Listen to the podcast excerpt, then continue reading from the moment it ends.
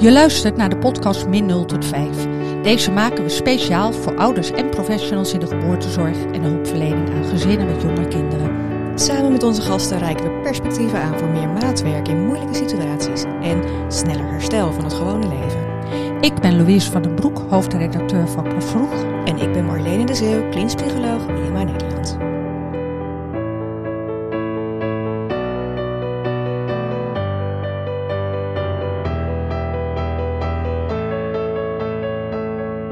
Welkom bij de podcast Min 0 tot 5 voor ouders en aanstaande ouders die zwanger zijn en of kinderen in de leeftijd van 0 tot en met 5 jaar hebben en die ook nog eens veel stress ervaren. Vandaag is Brechtje Houtzager te gast als expert en Carmen Fiscaal als ervaringsdeskundige ouder. Ons doel is om stress te helpen verminderen in de levens van de ouders met een veel te vroeg geboren kindje. We focussen ons samen met Brechtje en Carmen op huid-op-huid contact, oftewel buidelen tijdens de eerste tijd. Bij kangeroeën of buidelen wordt een baby met alleen een luier aan op de blote borst van de ouders gelegd en toegedekt met een omslagdoek. Dit huid-op-huid contact heeft eigenlijk voor alle baby's heel veel gezondheidsvoordelen. Maar met name voor baby's die te vroeg of ziek geboren zijn, is huid-op-huid contact van vitaal belang. Allerlei wetenschappelijke onderzoeken wijzen uit dat baby's die veel worden gebuideld zich op alle vlakken beter ontwikkelen. Buidelen dus. Dat klinkt heel goed en heel mooi. En ik ben benieuwd of jij daar wat over kan vertellen, Brechtje. En ook misschien even jezelf kan voorstellen. Hallo allemaal. Uh, ja, ik ben Brechtje Houtzager inderdaad. Ik ben klinisch psycholoog. Ik werk in het Deventer ziekenhuis en bij Jeugd GGZ van de Stichting Dimens. Ik werk uh, nu al twaalf jaar in dit ziekenhuis en eigenlijk al heel lang in de ziekenhuiszorg als psycholoog. En ja, onder andere in het AMC gewerkt, ook bij de NICU en de follow-up van uh, vroeggeboren baby's. En nu werk ik in het Deventer ziekenhuis. Dat is een heel ander soort ziekenhuis natuurlijk dan een academische setting zoals het AMC. Veel dichterbij, veel kleiner, veel meer ja, patiënten die veel dichterbij wonen, waardoor je veel langer met elkaar ook kunt optrekken. En in mijn werk ben ik ook betrokken bij de neonatologie, bij de follow-up van vroeggeboorte. En um, zo heb ik ook de moeder leren kennen die uh, hier naast mij zit, die ook meewerkt aan de, aan de podcast, Carmen. Ja, misschien wil jij, uh, Carmen, ook even vertellen wie je bent. En dan zal ik, um, zal ik daarna even ingaan op jouw vraag. Uh, ja, Louise. heel graag. Een idee? Nou, ik ben Carmen Fiscaal. Ja, ik ben moeder van Tijn. Tijn is uh, afgelopen week vier jaar geworden. Is vier jaar geleden te vroeg geboren bij 26 weken en uh, drie dagen. Uh, dus extreem prematuur. Zelf ben ik van origine huisarts en heb ik ook als jeugdarts gewerkt. Dus in die zin ook wel ervaring met kleine kinderen, maar nooit met zulke prematuren. En wil graag mijn ervaringen delen als moeder van een uh, prematuur geboren kindje. Om uh, ja, ook andere ouders en hulpverleners daarbij te helpen. Ja, wat fijn. Dat is precies ja. wat we willen. Jij kan wat vertellen over buidelen. Wat is het precies? Hè? Maar ook wat zijn de voordelen? Hoe gaat het precies? Kun je er wat over uh, aangeven?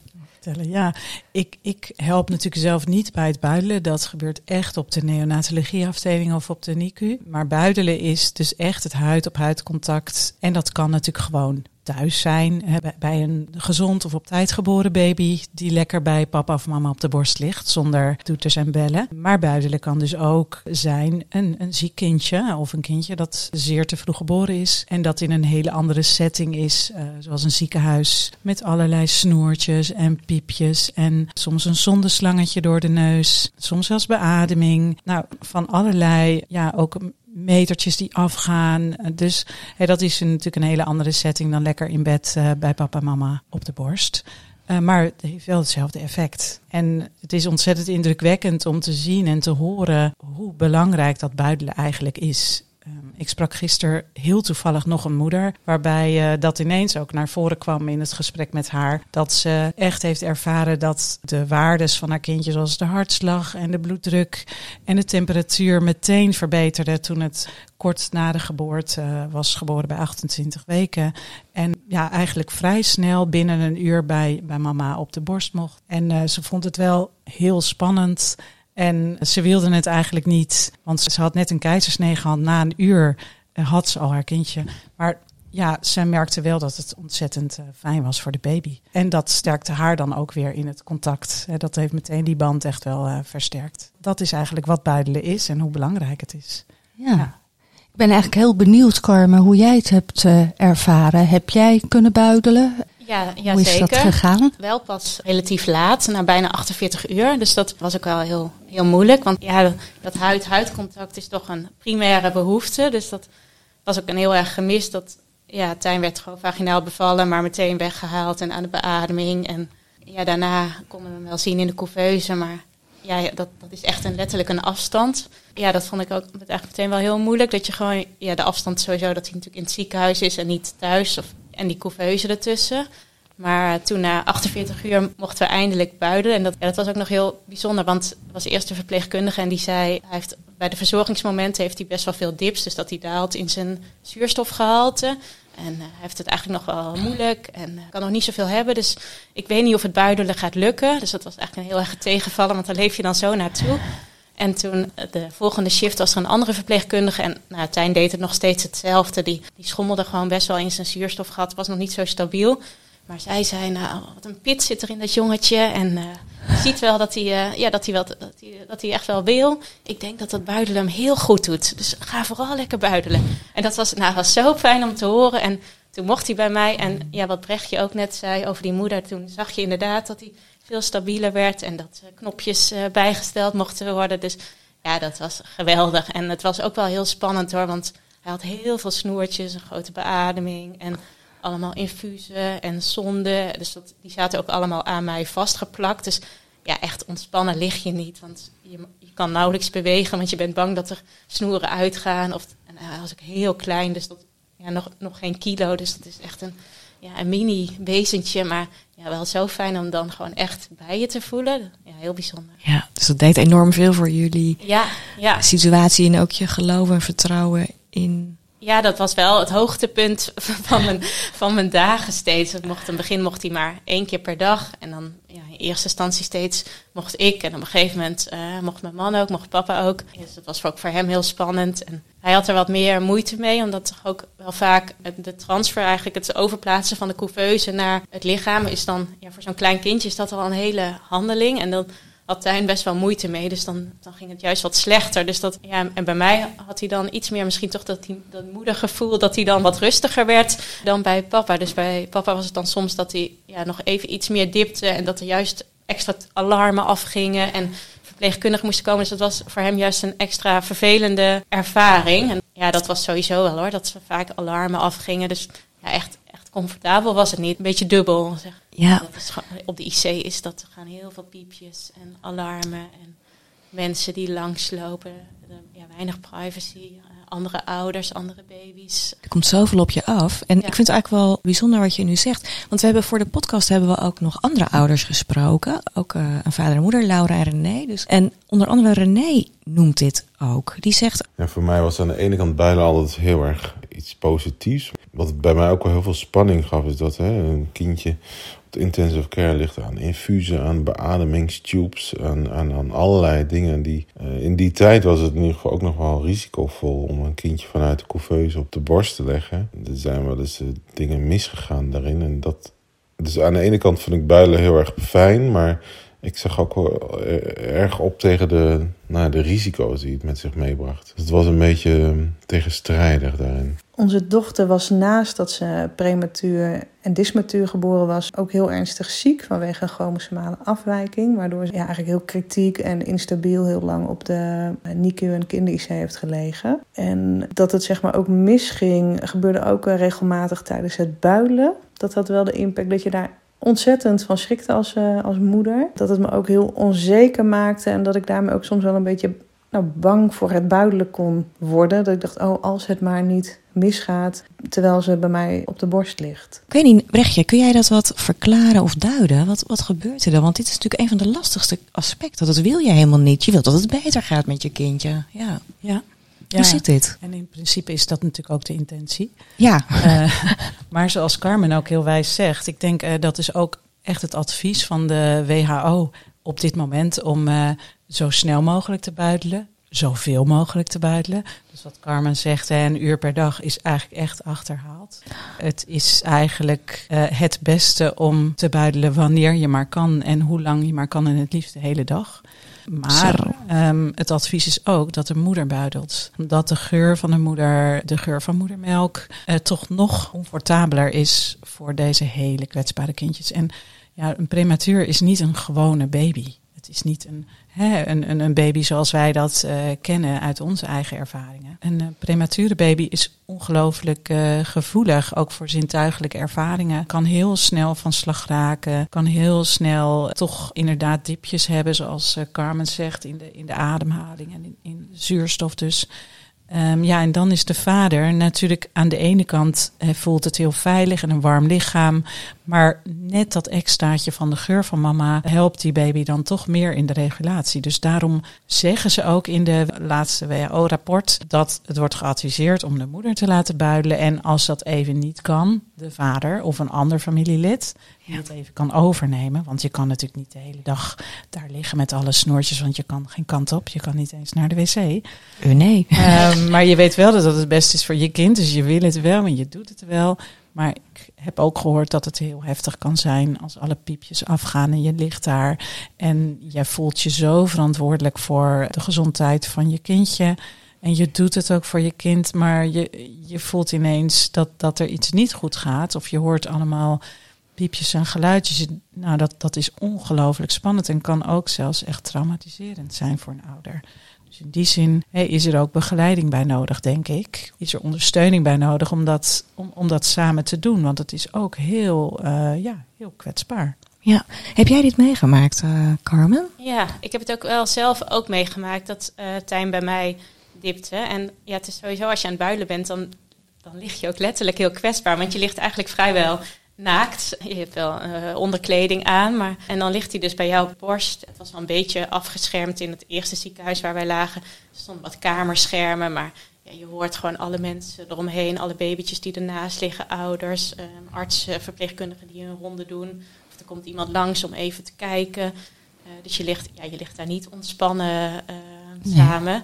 Je kan ook verder niks. Je, hebt, ja, je, je, moet heel mindful liggen, maar je kan niet rustig een, een, boek lezen of iets dergelijks. Dus, dus het was ook wel inderdaad, je probeert het zo lang mogelijk te doen. Dus je eet ervoor, je plast ervoor, je kolft ervoor. Maar op een gegeven moment, dan, ja, dan houdt het op. Maar ik heb ook een keer gehad dat hij inderdaad bij mij lag en dat hij uh, ja, toch niet zo stabiel was. En dat de alarmen afgingen. En dan komen ze eerst naar jou en dan lig je daar en je kan niks doen. En dan zijn ze eerst een beetje op jouw borst bezig. En nou ja, dat, toen haalden ze hem op een gegeven moment toch van je af en gaan ze in de couveuse verder om hem te stabiliseren. Maar ja, dat zijn, ja, dat zijn gewoon moeilijke ervaringen. En wat Brechtje zegt van, uh, ja, die, die eigenlijk die hulp daarbij of die begeleiding, die, hebben wij uh, als ouders wel echt gemist. Die psychologische begeleiding van dit hoort erbij. Of, want voor artsen, verpleegkundigen is dit heel normaal. Die weten dat dit erbij hoort. Dat een prematuur geboren kindje schommelt in de waarde en dat af en toe wat minder gaat. En dan draaien ze wat aan de knoppen of ze geven hem wat tikjes en dan gaat hij weer ademen. Maar ja, als Letterlijk. Oude, Letterlijk tikjes. Ja, nou ja, nee, niet, niet, niet tikken hard, maar een, een, klop, even een tikje. Een, klopje op de rug bijvoorbeeld. En dan komt de ademprikkel weer. Ja. Uh, maar ja, als ouder weet je dat niet. En ja, heel veel onzekerheid natuurlijk. En je wil ook, als ouder wil je ook niet alles, alles weten, want er kan heel veel misgaan. En zeker alle lange termijn dingen als van ik verhoog de kans op leerproblemen of zo. Dat, ja, daar ben je helemaal niet mee bezig. Je denkt eerst, hij moet overleven. Ja. Maar het is wel heel fijn. Hadden wij wel heel fijn gevonden als we van tevoren wisten van ja, het is heel normaal dat hij schommelingen heeft. Of de eerste keer van de beademing, dat als hij dan, dan zeiden ze van ja, we moeten kijken of hij het redt, maar of, of dat hij dat, of hij dat aan kan. Maar we hadden geen idee hoe ziet dat eruit als hij het niet aan kan. Dus hij lag daar en opeens bewoog hij gewoon niet meer. Dus nou ja, ik dacht dat hij dood was. En ja, en, ja dus je schrikt je gewoon dood. Ja, je schrikt. Ja, en, natuurlijk. Uh, en dan komt er heel rustig een verpleegkundige aanlopen. En die draait dat aan de knoppen. En die, en die geeft hem, ja, die, die klopt hem een beetje op zijn rug. En die ga, nou, toen ging hij weer ademen. En zegt ze, nou, dat moet hij niet uh, te veel doen. Dan, uh, nou, wij zitten daar ongeveer in shock. En ja, ja dat zijn wel dingen dat je denkt, als ze van tevoren hadden gezegd van, nou, kijk, als hij het niet redt, dan dan stopt hij even met aan. Lijkt het alsof hij misschien doodgaat, maar dat is niet zo. Dat hoort erbij. Dat, dat ja, dingen waar, je, waar ze ons in mee hadden kunnen nemen en dat voorkomt. Want het, Het is natuurlijk allemaal heel vervelend en traumatisch, maar dat voorkomt wel onnodige extra traumatische ervaringen. Ja, hier, hier had je meer begeleiding bij willen hebben. Ja. Kun jij daarop reageren, Brechtje? Ja, ik ben het daar natuurlijk helemaal mee eens. En ja, ik denk dat na- natuurlijk de NICU is een hele bijzondere omgeving. Dat hebben jullie ook ervaren, denk ik, Carmen. Eh, zoals je zegt, het is heel hectisch. Eh, het draait op dit moment heel erg om het kind. En of vaak heel erg om het kind. Want Ja. hè, zoals Carmen ook zegt, hij moet overleven. Ja, alle dus ballen daar zijn we allemaal baby. mee bezig. Ja. Ja.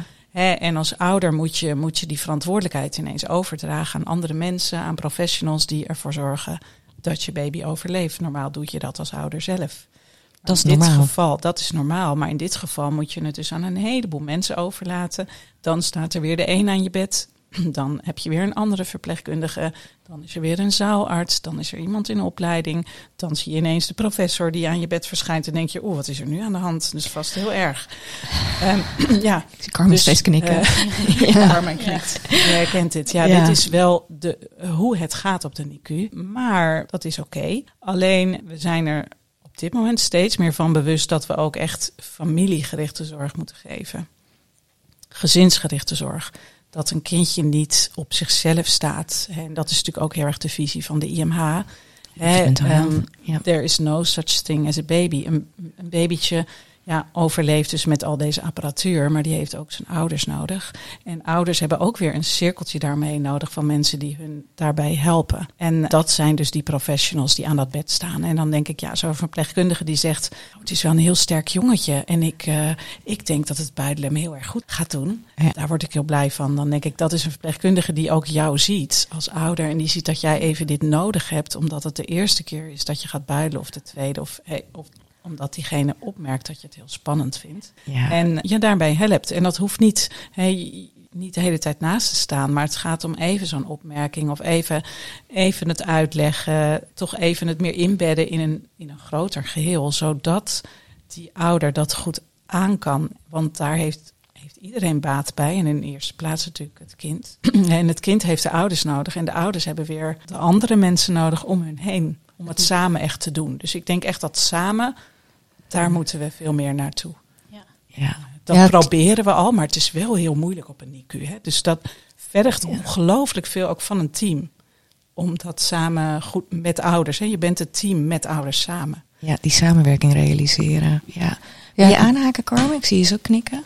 Ja, ja, ik her- herken dat helemaal. En dat is natuurlijk sowieso in het begin heel lastig, want je, je, bent, je wordt sowieso overvallen dat opeens een kindje er al is. Want ja, in ons geval was dat ook helemaal onverwachts, onverklaard. En dan, kijk, je verwacht een kindje, maar pas drie maanden later en opeens is die er. En ja, je hebt, we hadden nog geen naam. We zouden nog op vakantie gaan met z'n tweeën laatste keer. We zouden nog gaan trouwen. Ik had nog verlofplannen. eh, en ja, van het een op het andere zit je in een ziekenhuis en is die er. En ja, ben je daarmee bezig en gaat het in.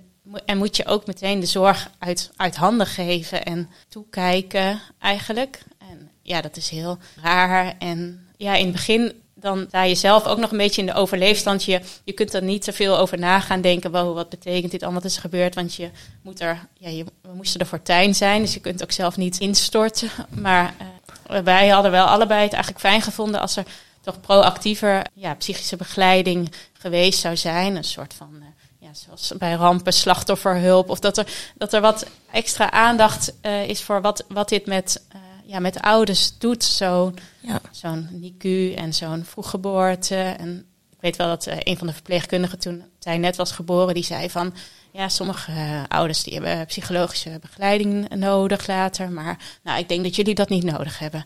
Oh. En ik weet niet waarop die dat baseerde, op hoe we eruit zagen of zo. Maar ja, dat, dat is denk ik niet helpend. Want inderdaad, in de, op dat moment kon ik dat ook niet voorstellen dat ik dat nodig zou hebben. Want je, je, je beseft nog niet zo de impact daarvan. Maar uiteindelijk hebben we het allebei heel hard en heel lang nodig gehad. En is het eigenlijk zonde dat we dat pas later gekregen hebben. Ja, ja, jij pleit eigenlijk voor standaard. Uh, hè, als zo'n kindje heel vroeg geboren wordt, precies ja. wat je zegt, het komt opeens op de wereld, terwijl je er helemaal nog niet op bent voorbereid. Ja. En je zegt eigenlijk van het zou goed zijn als er standaard dan gewoon iemand is die je daarin uh, in dat hele proces meeneemt. Ja, ja, en die ook wat uitleg geeft over nou, zoals die, die dips of die momenten dat je denkt dat hij misschien doodgaat. Of ja, dat ook verpleegkundigen daar misschien dan, want die zien, zien dat denk ik het vaakste meer in geschoold worden van, oh ja, voor ons is dit heel normaal, maar een ouder die, die schrikt daarvan. Wat betekent dat? Dat ze daar even bij stilstaan of dat zij zeggen, goh, misschien is het fijn als de psycholoog even, even langsloopt of even met de ouders praat van, ja, hoe gaat het? Uh, hoe is Ja. dit geweest voor Ja. jullie? Ja. Ik hoor jou zeggen meer proactief. Ja. Ja. Dat, dat het gewoon standaard wordt aangeboden. Ja, want ik denk, ik denk dat, het dan, dat je er dan eerder bij bent en dan, nou, dan kan je er meteen over praten en dan is het verwerkt. En ik denk dat het dan later minder leidt tot psychische klachten. Wij hebben allebei posttraumatische stressstoornis opgelopen door eigenlijk alles wat we meegemaakt hebben en daar toen ja, niet zo heel veel over hebben kunnen praten of kunnen verwerken. En nou, misschien dat als we daar eerder over hadden kunnen praten, dat het wel ja, milder in ieder geval was geweest. Ja, goed dat je dat aangeeft. En ook, eh, eigenlijk ook perspectieven aanreikt voor professionals om over na te denken. Van wat, wat hebben we daarin te verbeteren? Ik werk zelf in het Rijnstaten ziekenhuis. Daar hebben we bijvoorbeeld oude community groepen. Eén keer per week op de afdeling kunnen ouders met elkaar, met een professional bij elkaar komen. Om ja, ervaringen uit te wisselen en te spreken in, als ze willen. Maar goed, dat wordt wel aangeboden. Zou dat iets zijn geweest voor jou? Misschien wel. Ja, ik zit erover na te denken. In het eerste ziekenhuis hadden we dat soort dingen helemaal niet. En aan de andere kant ben je dan zo eigenlijk ook weer met je eigen kind bezig. Dat je ook eigenlijk niet de ellende van andere ouders en baby's er nog bij kan hebben. We sliepen bijvoorbeeld ook in het Ronald McDonald huis toen. Omdat we toen in Groningen zaten. en We woonden nog in Utrecht. En ja, daar, daar zitten natuurlijk ook allemaal zieke, ouders met zieke kindjes. En ja, je hoofd zit eigenlijk al zoveel met te zorgen van je eigen kind. Dat je die verhalen van anderen er niet echt bij kan hebben. En je krijgt ze toch wel mee. Want op de zaal zie je gewoon, er is weinig privacy, dus je ziet wat er gebeurt. Een bedje naast je waar dan de hele tijd artsen omheen staan en waar de alarmen gaan. En op een gegeven moment staan er nog meer kamerschermen omheen van dat je niet mag kijken. En het volgende moment moet iedereen weg. En, En de jij weet al hoe laat het En de is. volgende Zo. dag is dat bedje leeg. Ja, dan, en dan wordt natuurlijk niet gezegd of ge- wat er gebeurd is, maar dan weet je genoeg. En dat is natuurlijk de angst die je zelf als ouder ook hebt, dat je kindje gaat overlijden. Dus ja, in die zin denk ik ook niet dat ik op dat moment het had getrokken om nou dat leed of de zorgen van andere ouders er nog bij te hebben. Ja. Uh, maar in het, toen we in Utrecht zaten, hadden we wel met ouders, fysiotherapeut, hadden we een soort van ja, informatieve gesprekken over bijvoorbeeld hoe kan je je kindje wat meer geborgenheid geven door hem bijvoorbeeld wat ronder te verzorgen. Dus dat de beentjes en de armpjes en het hoofdje wat meer naar elkaar toe gaan. En hoe kan je want ja, prematuur geboren baby's die schrikken heel snel. Dus als je snel iets doet, of dan, dan schrikken ze. Dus je moet het allemaal heel rustig en zacht doen en met z'n tweeën verzorgen. Ehm, Eentje die hield de handjes vast en die aaide een beetje. En de andere die verschoonde de, op een gegeven moment de luier. En dat soort tips en zo gaf de fysiotherapeuten.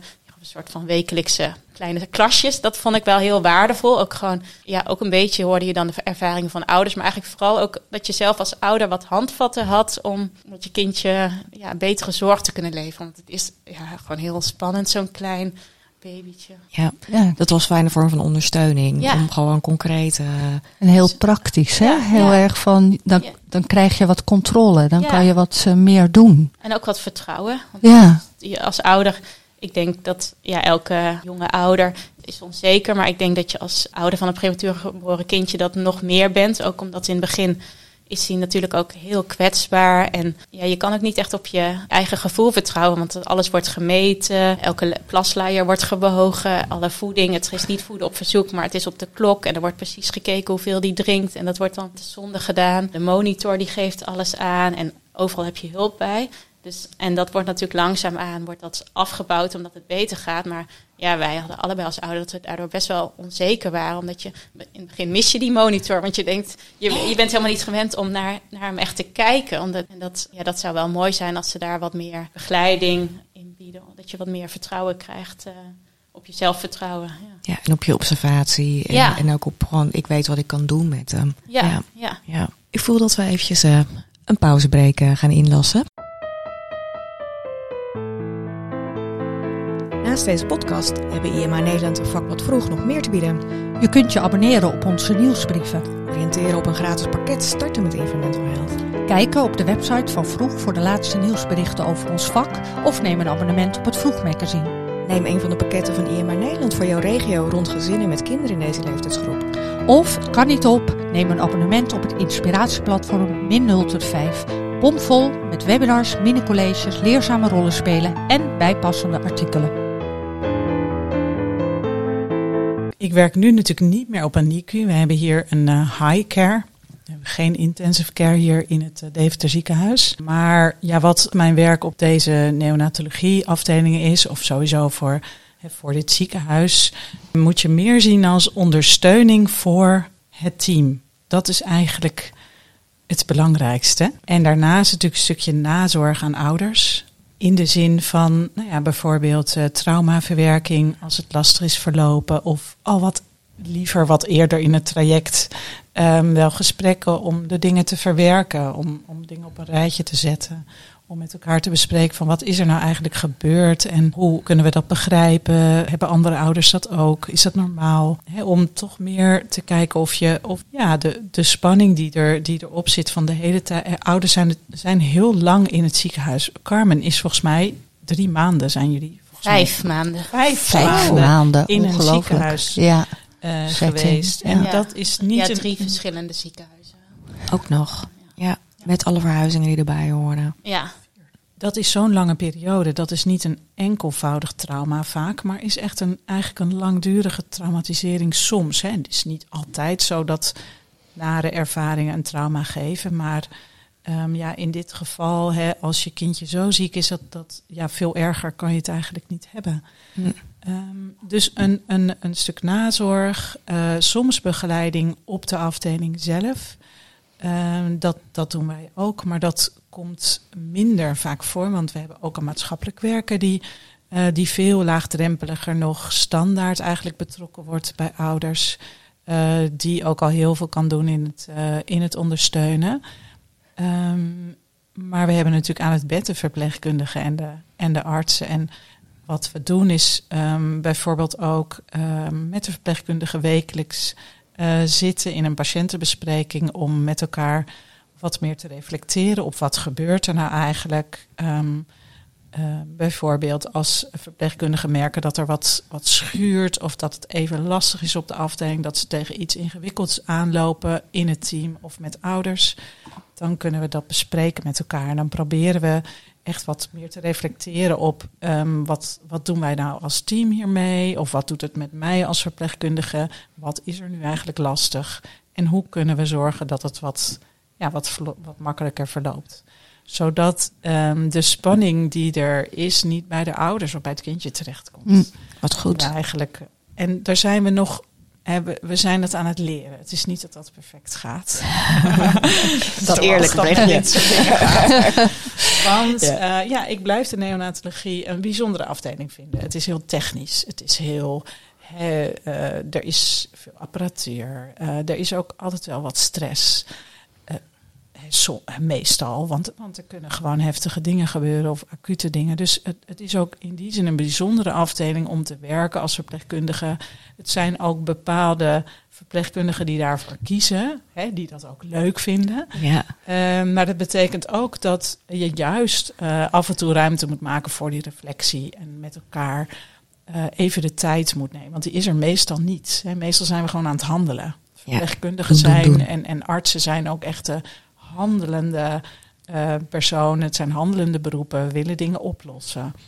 En Ja. ja, ja als dingen even ingewikkeld zijn of ehm, ja, wa- wat Carmen net vertelde, wat zij eh, hebben doorgemaakt, dan is het ook fijn als iemand tijdens het handelen of er tussendoor even kan, eh, kan voelen dat er ook wel emotie zit. Hè, of dat ze zelf ook wat, wat voelen, ja, geraakt zijn. geraakt zijn door iets en dat je dat opmerkt en er soms even woorden aan kan geven. Ja, het gaat wel over leven en dood op Ja, deze het gaat afdeling. over Ja. leven en dood. En dat gaat, eh, en dat gaat ook om eh, dat je ouders eh, ziet en ermee helpt. Want je kan wel zeggen, ja, we, doen we gaan technisch insteken op het buidelen. Dus we gaan elke dag zo lang mogelijk buidelen. Eh, en Het advies doen van de WHO. Dat is het advies. We voeren een advies uit. Mhm. Eh, en dat zorgt voor een betere gezondheid. Dus nou, hoppatee. Hoppakee, erin. We gaan het Ja, doen. één En en we gaan het weer doen. We gaan weer handelen. Ja. Dus dat, daar zijn we goed in en dat is gewoon de oplossing. Maar we moeten ook nog ogen hebben over hoe doen we dat dan? Of wat zijn dan de voorwaarden waaronder dat kan? En ik denk, ja, tussen een kamerscherm, ehm, met allemaal andere baby's tegelijk, eh, die, waar ook allemaal monitors afgaan en piepjes. Ehm, dat is denk ik niet de beste omgeving om het te doen. Dus ik denk dat het ook onze taak is om echt uh, te zorgen voor een fijne, veilige, warme omgeving. En net liep ik even met Carmen in de pauze weg. Toen hadden we het over, ja, het liefst zou je een huiskamer willen. Oh, ja. eh, of een, een fijne plek. Maar ja, we moeten natuurlijk steeds meer toe naar zorg op maat. Uh, zorg die past bij, bij meer uh, familiegerichte zorg, waarbij je familiekamers hebt. Papa en mama beide kunnen blijven bij de baby continu, 24 uur per dag. Want dat is niet overal geregeld, hè? Nee, in ons ziekenhuis nee, nog hè? niet. Wij gaan uh, een verbouwing tegemoet. Zijn dat kost veel geld. Mee, maar dat kost okay. heel veel geld. Ja. Um, maar wij gaan wel toe naar gezinskamers waar moeder en kind, dus moeder van de kraam, moeders die eigenlijk op de kraam moeten liggen, en baby's van de neonatologie worden samen verpleegd. Dus de kraamafdeling en de neonatologie werken dan samen en de verpleegkundigen zorgen samen voor moeder en kind. Ja. En dat is uh, nou ja, waar, wij, waar wij naartoe willen. Maar in, in een aantal, in, in een heleboel ziekenhuizen gebeurt het al. Ja, ik heb Hielke, die uh, is ook pas geworden van Saar. Die uh, is ook uh, te vroeg geboren en die was heel, heel blij met die gezinskamer. En hij zegt iets als de hemel op aarde of het was zo fijn. Hielke vroeg het zelf aan zijn partner Helen wat ze vond van de suites. In Nijmegen hadden we ook een kamer, konden wij niet blijven slapen. Dat was alleen voor Saar. Je zag daar gewoon dat er heel erg de zorg voor Saar voorop stond en specialisme. Toen we naar Arnhem gingen, hadden we een suite. Met in ieder geval een, een patiëntbed waar we een van ons kon blijven slapen. Van het eethoekje kon je ook nog een bed maken. Dus eigenlijk konden we met z'n twee blijven slapen. Waar we de hele dag bij Saar konden zijn. We konden blijven slapen. We konden in en uitlopen wanneer we wilden. We konden ook gewoon zeg maar, de zorg voor Saar op ons nemen. In zoverre dat ging en wij mo dat mochten doen. Dus we konden haar gewoon verschonen. We mochten haar temperaturen. We mochten haar wassen. Op een gegeven moment mocht zij uh, kleertjes aan. Dat konden we ook gewoon doen. We konden altijd hulp inschakelen van de verpleegkundigen. Die ons dan begeleiden bij dingen die we of voor het eerst moesten doen. Of waar hun bij wilden zijn. Ja, het was heel fijn dat wij een suite hadden. En dat wij altijd daar konden zijn.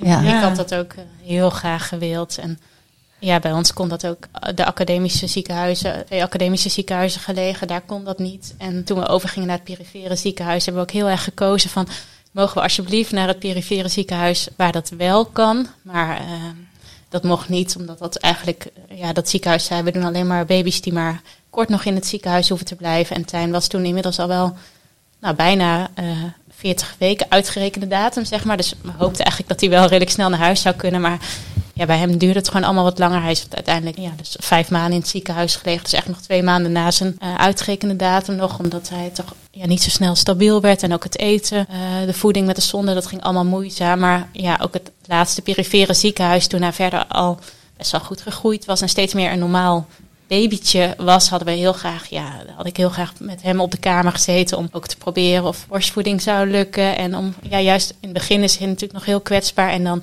heb je die specialistische zorg echt nog nodig. Maar op een gegeven moment word je als ouder ook steeds meer expert van je eigen kindje en ken je je kindje ook het beste en wil je eigenlijk het liefst ook alle zorg zelf doen. En is het heel moeilijk om die zorg steeds meer uit handen te geven. Als je er niet dag en nacht bij kan blijven. En ja, elke verpleegkundige doet het natuurlijk op zijn eigen manier. En met de een kan je het wat beter vinden dan met de andere. En ook het afscheid nemen wordt steeds moeilijker voor jezelf om je kindje daarachter te laten in het ziekenhuis. Maar op een gegeven moment had Tijn het ook door. Dan is hij wakker ja. en dan, ja, dan laat je hem daarachter. En dat, ja, dat is heel, ja, dat is eigenlijk dat is gewoon heel vervelend en naar. En ja. het, het, kan niet anders, maar dat zijn ja, wel vervelende ervaringen. En ja. Ik had het heel fijn gevonden als dat mogelijk was geweest om uh, met hem op de kamer te zitten. Ja.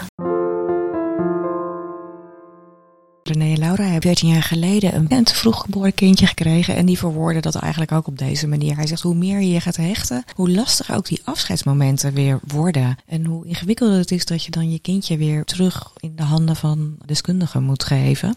Ja, ik vond het uh, builen natuurlijk ontzettend uh, fijn om te doen. Maar als je kindje op de IC ligt, heb je al een verstoorde hechtingsband. En aan de ene kant met het builen ga je een, hele, een heel intiem moment. Maar dat is, in ons geval was het maar één of anderhalf uur per dag. En op het moment dat je dan vanuit zo'n fijne situatie je kind weer inlevert, zeg maar, dan, dan dat, dat maakt het ook alweer uh, dubbel, met een dubbel gevoel. Dat was ook wel eens ingewikkeld. Nou, aan de ene kant een hele intens band aan te gaan, aan de andere kant het weer in te leveren en s'avonds weer naar huis te gaan zonder, uh, zonder je kindje. Laura, die 14 jaar geleden een pre- en dismature dochter had, zegt dit over de bezoektijden en wat dat met haar deed. Aan het buidelen zelf zie ik eigenlijk geen enkel nadeel. Alleen de omstandigheden of de voorwaarden van een uh, afdeling in het ziekenhuis die kunnen het wel beperken. 14 jaar geleden hadden we echt nog bezoektijden, dat je tijdens bepaalde uren bij je kindje mocht zijn.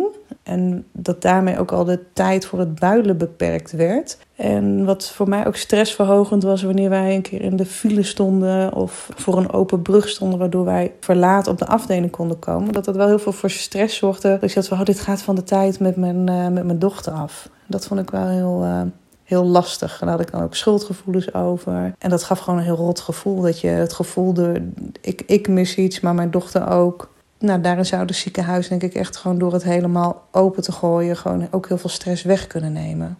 Wat ik uh, nu bijna 14 jaar geleden wel heel heftig vond... was de overgang van de NICU naar de kinder-IC. Waarbij we op de NICU gewoon dagelijks uh, mochten builen. Uh, maar dat het op de kinder-IC helemaal niet meer werd gedaan. De eerste keer dat ik mijn dochter echt na een paar maanden weer in de armen hield...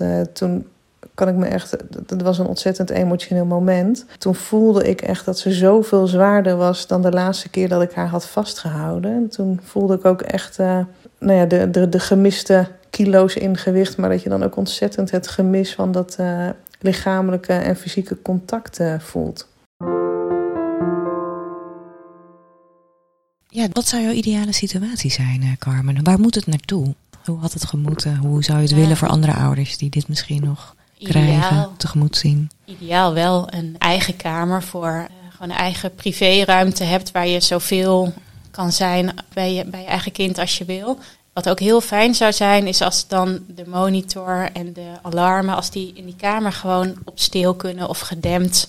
Want dat leidt zo af. En het, vaak is het dat op de monitor ook nog de alarmen van andere baby's gaan. Dus je wordt eigenlijk niet alleen op, opgeschikt als je eigen kindje dipt, maar ook nog als er bij andere kinderen wat is. En dat, nou, dat is, uh, ja, voor Tijn zijn het heel veel onnodige prikkels. En dat, dat merken we. Hij is nu vier, maar wij merken dat nog steeds dat hij heel snel schikt van onverwachte geluiden. En dat dat ja, waarschijnlijk toch iets is wat hij heeft overgehouden aan de, aan de NICU-tijd. Uh, alle geluiden, piepjes, toch relatief felle lampen. Omdat, bijvoorbeeld als we ergens zijn naar de wc, dan is het altijd er is toch geen handendroger, hè? Want de handendroger, dat komt zo'n onverwachts geluid. En dat vindt hij gewoon heel eng. Dat heeft hij niet de controle, dat overkomt hem. En dat is iets hem overkomt, is natuurlijk op de IC heel vaak gebeurd. Het overkwam hem en hij kon daar niks tegen doen. Hij kon zich ook uh, letterlijk niet verzetten, want hij had ook zijn handjes zaten met spalkjes, omdat er infuusjes aan zaten en andere snoertjes. Dus hij kon ook zichzelf niet beschermen. En ja, hij lag daar in een glazen huisje met een af en toe een doek eromheen, maar af en toe ook niet met felle lamp. Allemaal geluiden eromheen, piepjes, mensen die langslopen.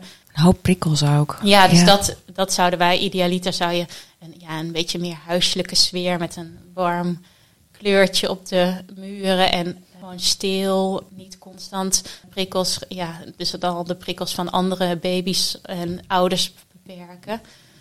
En uh, ja, wat bijvoorbeeld wel heel mooi was, want uh, als je als zoiets niet zou kunnen, of dat de ouders er toch niet altijd kunnen zijn, is dat ook misschien uh, verpleegkundigen wat meer een beetje de, ja, toch de, de huiselijke of de lieve gebaren doen. Zo was op een gegeven moment, toen ging het, uh, toen was Stijn had een hartoperatie gehad en toen ging het daarna even wat uh, moeilijker met hem. En toen dachten we, oh, er zal weer de, de zuurstof uh, omhoog gedraaid worden. Maar toen kwam een verpleegkundige en die pakte een klein dekentje. Het was eigenlijk meer een soort zakdoek, want ja, Tijn was ook nog heel klein, dus dat formaat. En dat legde die over hem heen, heel, ja, heel schattig, als een, gewoon als een, als een dekentje en dekte hem zo toe. En ja, dat was wat hij nodig had. En toen zag je dat hij rustig werd en dat hij waardes. Dus dat, kijk, ook op momenten dat je dan als ouder er misschien niet op die manier fysiek kan zijn, kan zo'n relatief klein gebaar, want ik snap dat verpleegkundigen natuurlijk ook niet constant aan het bed kunnen zitten en hun handen erop kunnen leggen, maar dat ze zoiets doen, dat ja, zo'n mooi klein gebaar. En dat helpt heel erg. Of s'nachts deden ze dat ook wel eens. Als, uh, dat hoorden we dat als, ze dan, uh, als hij toch een beetje onrustig was. Of misschien ja, toch die geborgenheid of die huidcontact miste. Hadden ze een soort handschoen met pitten erin. Een soort pittenzakachtig. En die legden ze dan tegen hem aan als een soort ja, steun, warme hand.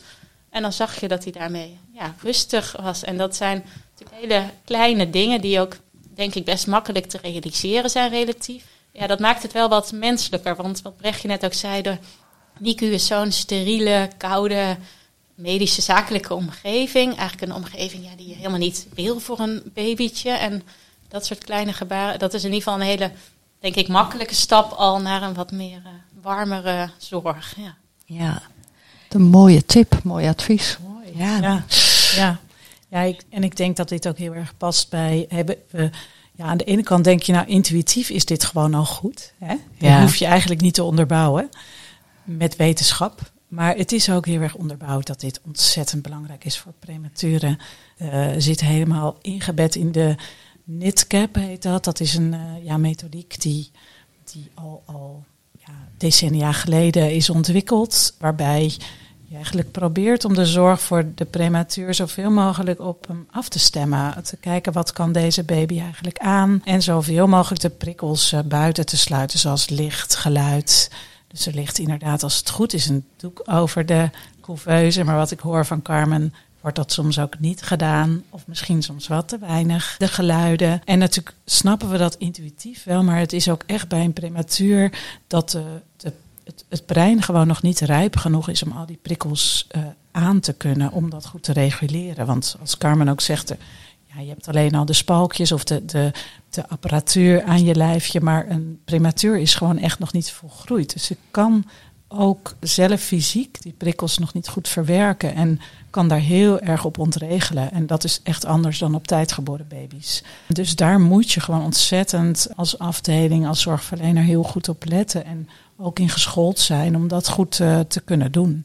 En allerlei mooie ja, middelen die we tegen, tegenwoordig echt kunnen ontwikkelen om, uh, ja, om de baby ja, te ondersteunen. Met, met ja, zo'n handschoen. Dat vind ik echt iets prachtigs. Ik ken het niet, ja. maar ik, uh, ja, daar word ik heel blij van. Of misschien ook een doekje met de geur van de ouders.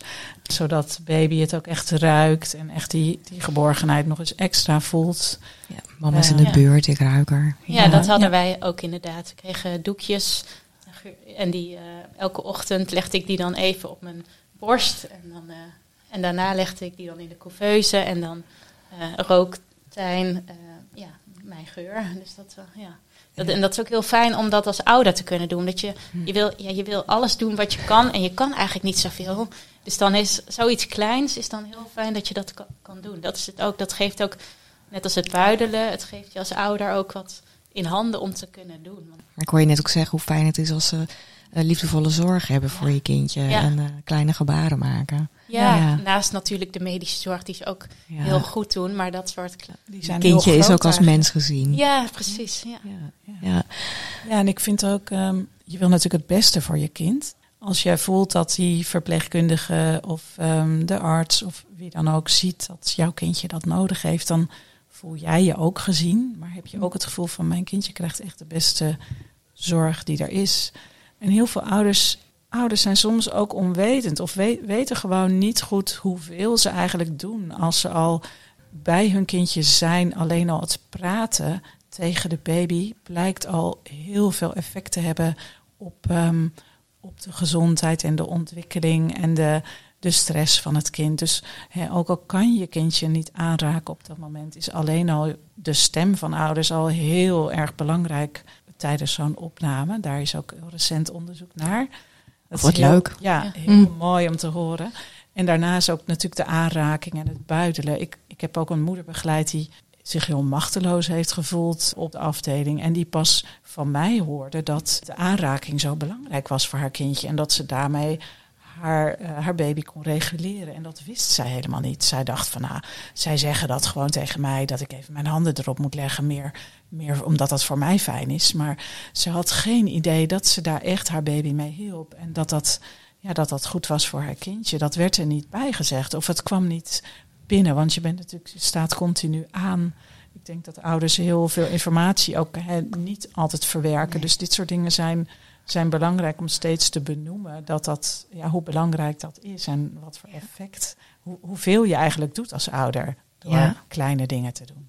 Ja, ik zie Carmen net knikken op Ja. dat je af en toe ook gatenkaas bent daar. Ja dat, Ja. ja. dat herken ik sowieso. Dat er heel veel informatie, denk ik, eh, verloren gaat. Of misschien ook niet helemaal binnenkomt. Of dat je niet begrijpt. En nou ja, dan heb ik zelf natuurlijk een medische achtergrond. Dus dan denk ik dat ik misschien ook wel wat meer al achtergrondinformatie had. Of, of begreep. Hoewel dit een ja, heel specialistisch gebied is. Dus hier voelde ik me ook geen eh, expert in. Maar wat ik ook van eh Brechtje inderdaad herkende. Van dat huidcontact.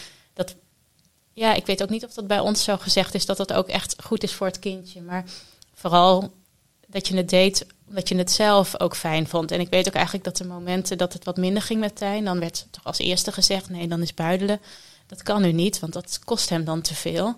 Dus dan werd het meer als een soort van tegenvaller voor jou gezien. Hè, dat wilde ik zo graag. Maar dan werd er niet gedacht: oh, maar buidelen zou hem dan juist misschien goed doen. En dan was het van: nou, wat je wel mag doen is je handen op hem leggen. Maar nou, dat deed je dan, omdat je dacht: dan doe ik in ieder geval iets. Maar ook niet bewust met het idee dat dat dan, dat dat dan echt hem zou helpen. Dus en kijk, dat zijn dan mooie dingen. Als je, als je dan weet, als je dat doet om hem te helpen, dan ga je er ook wat meer, denk ik, ja, van genieten. En, want het handen op het kindje leggen is natuurlijk heel fijn om hem aan te raken, maar het, is ook niet heel comfortabel. Want zeker als hij in de couveuse zit, dan ging je tussen door twee, twee gaten in en dan leun je op zo'n glazen randje en je, je zit op een draaistoel. Het is niet heel gemakkelijk en ja, daar zit je dan. Je kunt verder niks behalve naar hem kijken. Ja, dat is heel anders dan dat je je kindje thuis hebt, lekker op de bank, op de borst en je ondertussen gezellig een gesprek voert of een boekje aan het lezen bent. Dus Ja, dit hou ik niet zo heel lang vol, Nee, toch? In drie nee. hoeken gedraaid. nee, Ja. precies. Nee.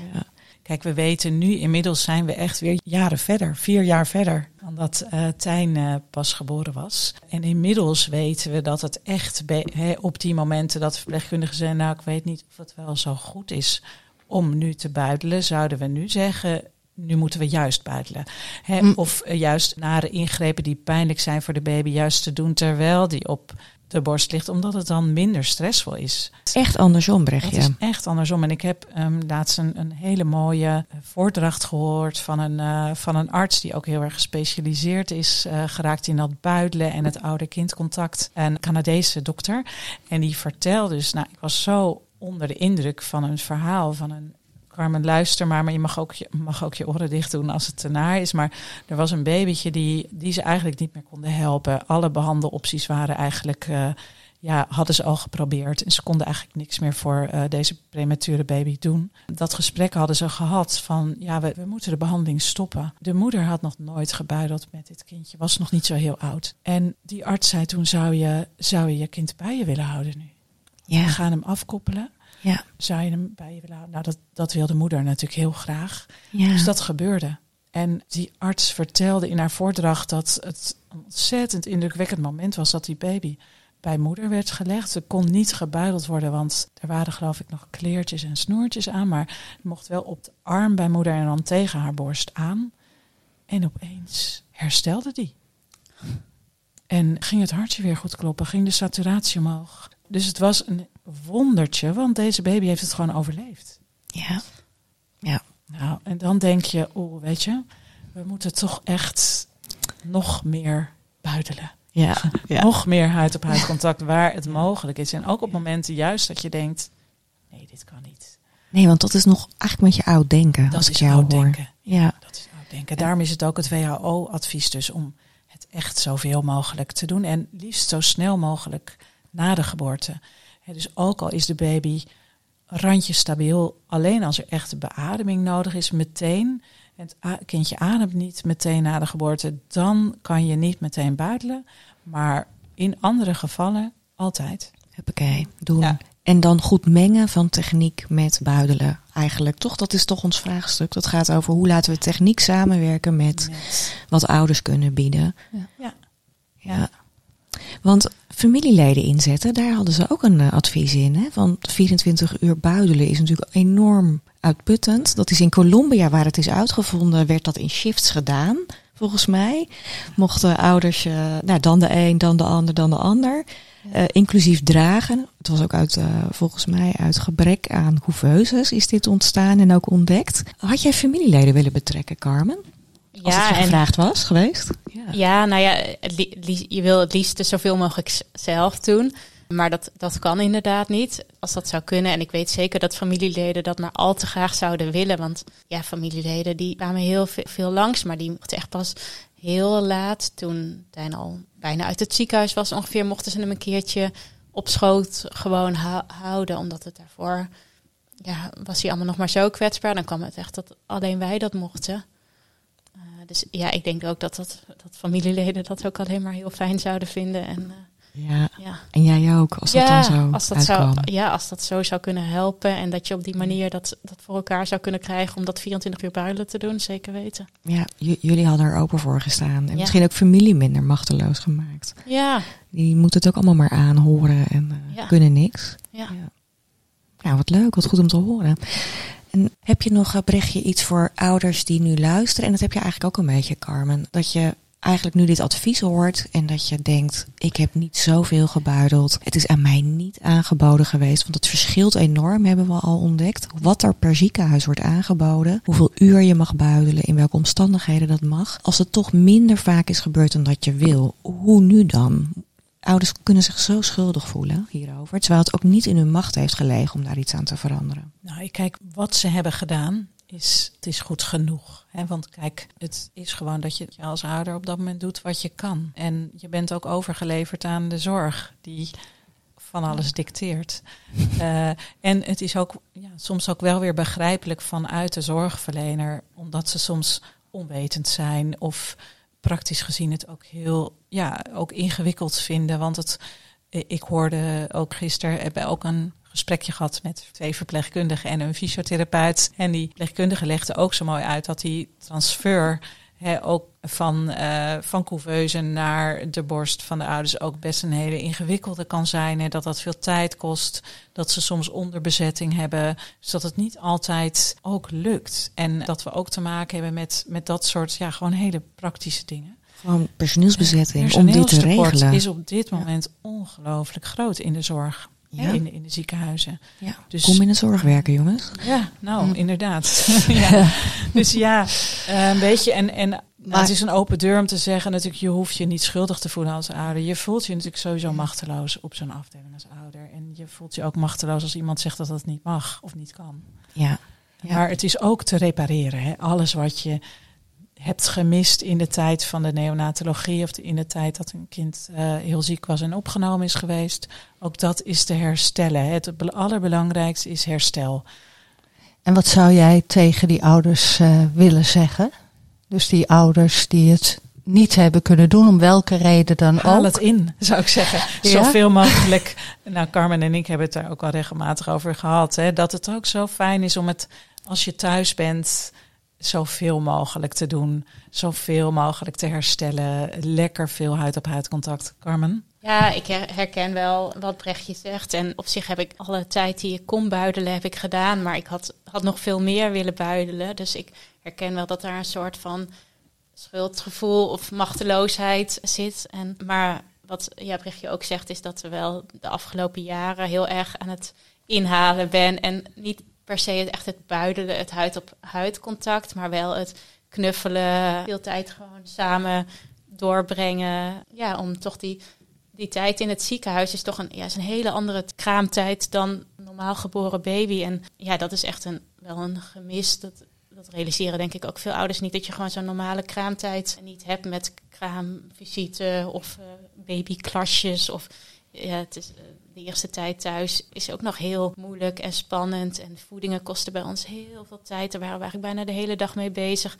Bezoekjes mochten niet vanwege de infectiegevaren. Dat was nog voor corona, maar toen was er ook gewoon de verkoudheden en de RS-virus. Dus ja, toen, hij was thuis, maar het was niet dat het toen opeens allemaal normaal was. En dus het is heel fijn dat, nou, nu is hij vier en gaat het goed met hem, dat je dan die tijd samen gewoon het, het knuffelen, het beetje ontspannen samen zijn kunt, kunt inhalen. Want ja, het blijft een gemis. Ja. ja. Dus dit is ook wat je alle andere ouders je aanraadt. Grijp je kansen Ja. het in te halen. Veel Ja. knuffelen. Inhalen, Ja. knuffelen. Knuffelen, ja. Babymassage kan natuurlijk ook heel erg fijn zijn. Op de NICU is dat een andere, want daar denkt de fysio echt goed over na van wat kan dit kindje aan. Ja, al- allemaal goede ideeën over hoe je ook daarna nog kunt herstellen en wat er nog mogelijk is. En eh, het is natuurlijk een hele stressvolle tijd geweest, maar daarmee is niet alles bepaald, denk ik. Nee. Nee, zegt Brechtje. Nee, Nee, ik denk dat dat een heel mooi eh, laatste statement is. Hè, van het kan ingehaald worden. Knuffelen, veel knuffelen, veel aanraken, veel dat soort dingen doen. En Verleng de kraamtijd. Niet meteen gaan werken omdat je denkt ik moet weer werken, want mijn verlof is voorbij. Neem de tijd. Hè, kijk met je werkgever ja, of je daar ruimte voor kan pakken. Want ook dat is her- die hersteltijd heb je echt nodig met elkaar. Dus eh, daar eh, moeten we werkgevers ook in meenemen in de maatschappij. Dat Ja. echt belangrijk is. Dit was de podcast horend bij het inspiratieplatform Min 0 tot 5, gemaakte samenwerking tussen Vakblad Vroeg en IMH Nederland. Ben je geïnspireerd? Kijk op onze beide websites. Genoeg te verdiepen voor nieuwsgierige ouders en professionals. Door kennis te verspreiden en mooie verhalen te delen, willen we de zorg aan zwangere en jonge kinderen en hun ouders verbeteren. Jouw positieve feedback op sociale media ondersteunt ons hierin. Dus vergeet ons niet te volgen of te taggen.